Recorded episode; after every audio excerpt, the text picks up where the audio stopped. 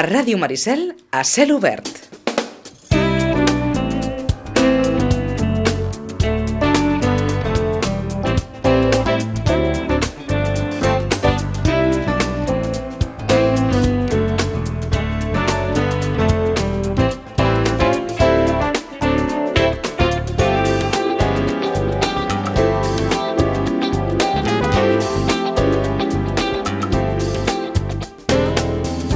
Vinga, resolta, resolta la controvèrsia, hem parlat una miqueta de, de l'aire com està. Saludem a la Rosana Lluc des de Llorenç Llibre. Rosana, bon dia.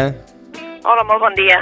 Um, parlàvem d'això, de, de que millor no està al sol i, per tant, doncs, refugiar-se a la calor i la manera millor de refugiar-se a la calor a l'estiu és al costat d'un bon llibre, oi?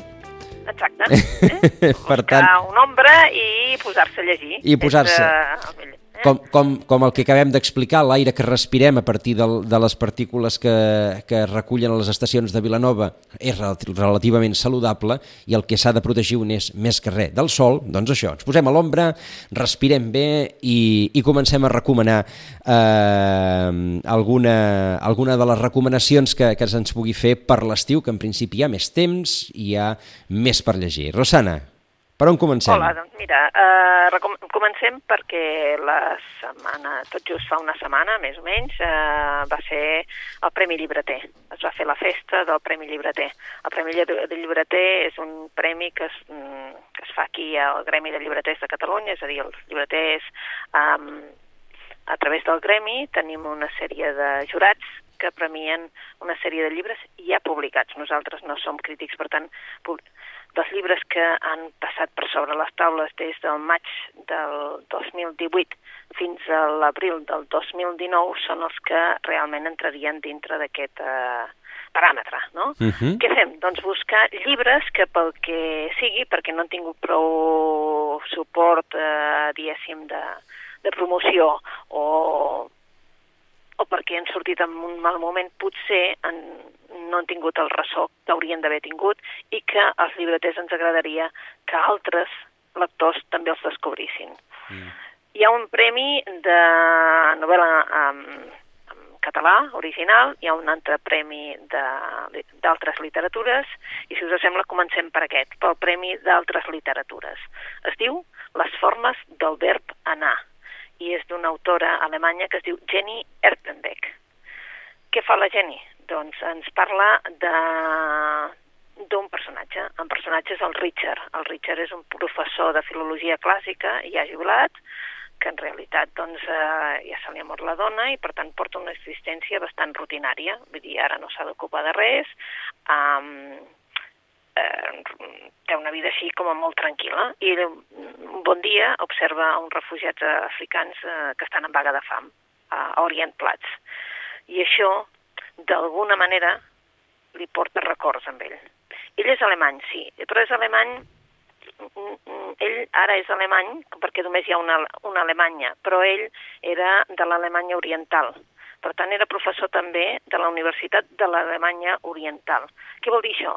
Que és com si fossin mm, de segona, eh? perquè ni tenen les mateixes, la mateixa categoria, diguéssim, perquè per mateixa categoria haurien de tenir el mateix sou. Tampoc no el tenen. Però bé, això és una reivindicació que se li acut ara, no? que no farà, però que sí que li recorda que ell també va venir, eh, diguéssim, d'un altre país, eh, es va establir quan era petit aquí, a Alemanya, Alemanya Oriental, i és una mica doncs, recordar-li tot això.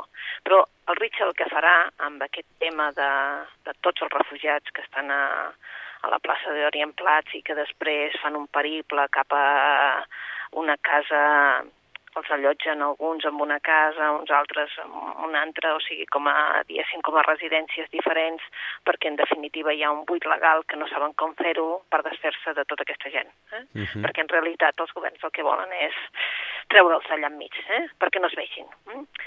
En Richard el que tindrà és una empatia, eh? una compassió cap a aquesta gent, i el que intenta és pensar d'on venen, què fan, què fan allà, per què han vingut aquí, exactament què estan fent aquí.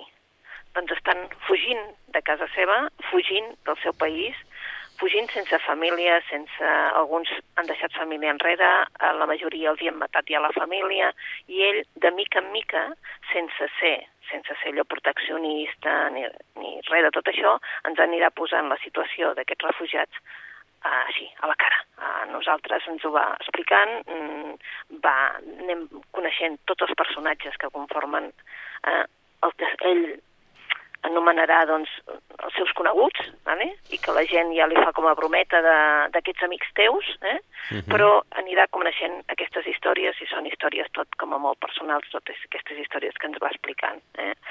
De fet, eh, el que ens està parlant és d'una Europa mm, que vol amagar tot això, que no vol reconèixer que hi ha gent que ha vingut en aquest eh, país per, eh, per treballar-hi, no perquè els deixin allà i que els hi donguin eh, quatre quartos i perquè vagin dormint, perquè no poden fer res, perquè no tenen permisos per fer res.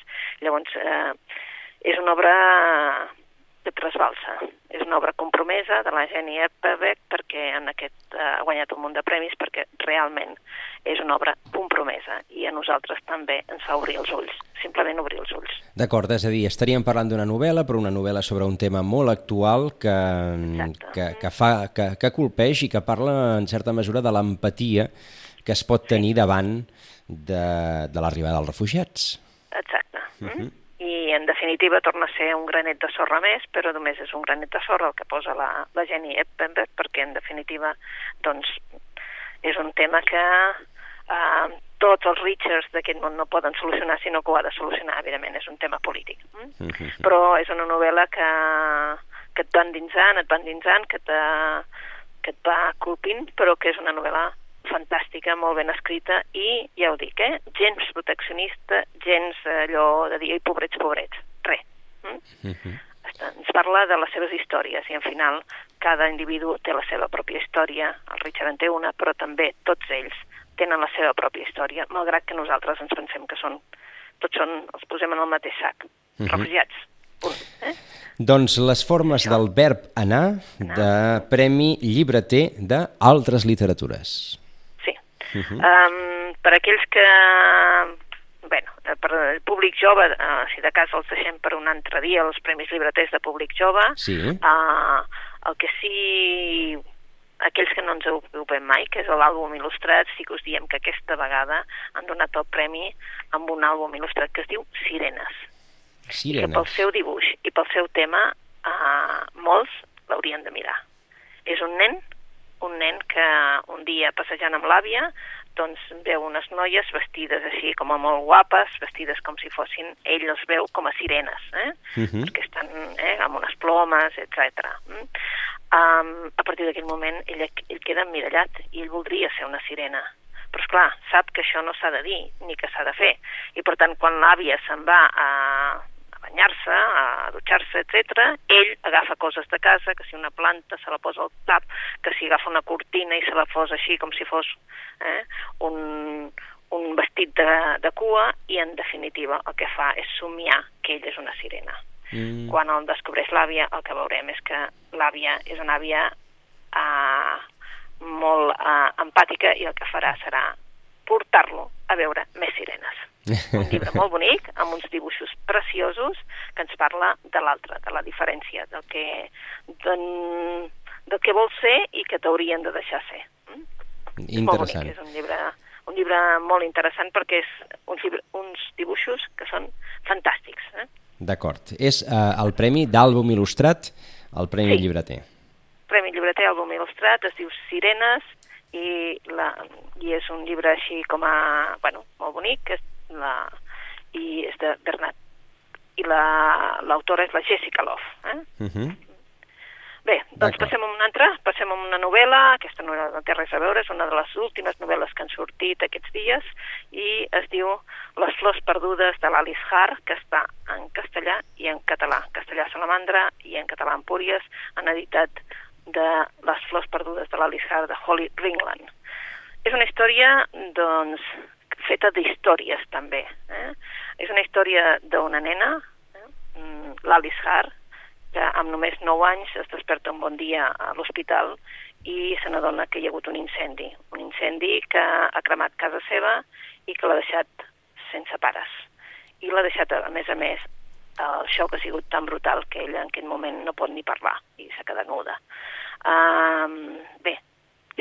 Doncs que la porten amb el seu únic familiar, un familiar que no tenia massa relació, que per ella era quasi, quasi una desconeguda, que era l'àvia, l'àvia per part de pare, la Jun. I la Jun és una dona que en definitiva es dedica al món de les flors. Té una plantació de flors i allà, en aquesta plantació, en una casa molt gran, doncs acull un munt de gent, un munt de dones que també han patit situacions de vulnerabilitat. Què passa? Que en aquella granja la nena anirà recuperant una mica doncs, eh, la confiança en si mateixa, anirà recuperant la veu i el que aprèn és el llenguatge de les flors mm. i els sentiments que aquestes flors expressen. I, per tant, eh, veurà que la vida també pot ser un temps feliç, però clar, quan es fa gran també veurà que hi ha traïcions, que hi ha pèrdues i hi ha pèrdues irreparables. Uh, als 26 anys decideix marxar sense deixar-ne rastre d'ella i se'n va. Mm? I per això són les flors perdudes de l'Alice Hart. No us desvetllarem més de la novel·la, però sí que us direm que per aquell que els agraden les flors mm, és de, hi han des de cites d'autors clàssics en el que parlen de flors i també el llibre, tant en català com en castellà, està il·lustrat. Mm? Cada capítol ve il·lustrat amb una flor mm? i el significat per exemple, doncs, eh, què significa la flor, mm? on es cultiva, i la veritat és que és un afegit en el llibre. És un llibre sobre històries, històries que li explicaran amb l'Alice tota aquella colla de dones que s'expliquen les històries i, per tant, és una manera de compartir i, i de veure que, doncs, en aquest món doncs, hi ha molta gent que pateix, però que són històries que, que et poden també ajudar a sobreviure. Uh. -huh. És un, un llibre així bonic de cara a l'estiu. D'acord, uh, i interessant, uh, la setmana que hem passat Corpus, aquí Sitges, Exacte. i per tant la setmana de les flors, eh? doncs uh, les flors perdudes de l'Alice Hart. Sí, uh. -huh. és una de les novetats Eh? D'acord. Uh, també tenim, per exemple, un llibre que, és clar, és que no podíem, no podíem estar sense un llibre policiac, no? I tant, uh, i una novel·la policiaca, que són les que més surten en aquest moment, però aquesta era una novel·la molt esperada. Molt esperada perquè el Jeru Delger, que sé que no ho pronuncio bé, però que em costa més pronunciar-ho com és, eh? uh, aquest personatge que va fer l'Ian Manuk, l'Ian Manuk va fer el Gerudel era el primer títol i després eh, el Muertos en l'Estepa va ser el, el seu gran èxit eh? i després del Tiempos Salvajes va ser el segon i ara ens porta la el final de la trilogia. Uh, Geruldelger, La muerte nòmada. El Gerald Delger, aquest comissari de, que posem en antecedents a tothom, és aquest comissari de Mongòlia, de la capital d'Ulan Batok, que ja ha passat per moltíssimes coses, que a més a més eh, ell porta darrere doncs, tota una història que hauria de redimir-se segons ells eh, i anar-se'n a l'estepa i fer com, eh, com un Shaolin eh, per poder-se redimir de tot el que amb ell ha fet o ha passat eh, ha passat poc temps en la seva família, va passar poc temps en la seva família, la seva dona, diguéssim, ha quedat bastant, eh, diguéssim, eh, un tema psicològic, eh, la seva filla l'odia, després es tornaran a reconciliar, però l'odia mort i va perdre, a més a més, un fill. Per tant, és tota una amalgama de coses que ell porta darrere, que voldria solucionar, però ara el trobem ja amb un estadi en el que ell ha marxat cap a l'estepa, ha marxat, ha deixat la capital i no voldria res més que estar en l'estepa com un nòmada mm, i fer la seva cura allà. Però, evidentment, ell és comissari i això es porta i amb ell també el busquen. El busquen perquè els ajudi amb altres persones perquè sempre passen coses. Ara estem en unes mines d'una empresa australiana, Colorado, eh, desfet eh, l'estepa i eh, hi ha qui li vol fer pagar. En definitiva, serà una història sobre, sobre el Gerald Delger, és una història més complicada que les altres perquè hi surten moltes coses, perquè el que ens vol explicar l'autor és que fins i tot a Mongòlia algú està destrossant-ho tot. és a dir, aquest voler apoderar-se de, de, dels recursos naturals és a tot arreu fins i tot a Mongòlia. I a Mongòlia no només són els xinesos els que diguéssim que de mica en mica els hi van prenent coses, sinó que hi han aterrat doncs, els australians amb les seves um, excavacions um, de mines, uh, hi han aterrat també empreses angleses, empreses americanes, en definitiva, allò sembla que um, es vingui per trossos, no? I això és el que vol també Aliana Manuc una mica per, reflectint també el que feia el Mankel amb Suècia, uh -huh. ara ell vol delatar aquí que mm, s'estan carregant, no només el, quan diem s'estem carregant el planeta, aquí el que s'estem carregant, el que ell vol dir és que s'estan carregant Mong Mongòlia, que realment se l'estan venent, que hi ha una corrupció terrible i no ho sembla, i que penses, bueno, doncs allà no, doncs hi ha una corrupció terrible i no ho sembla, i ell ho vol destapar.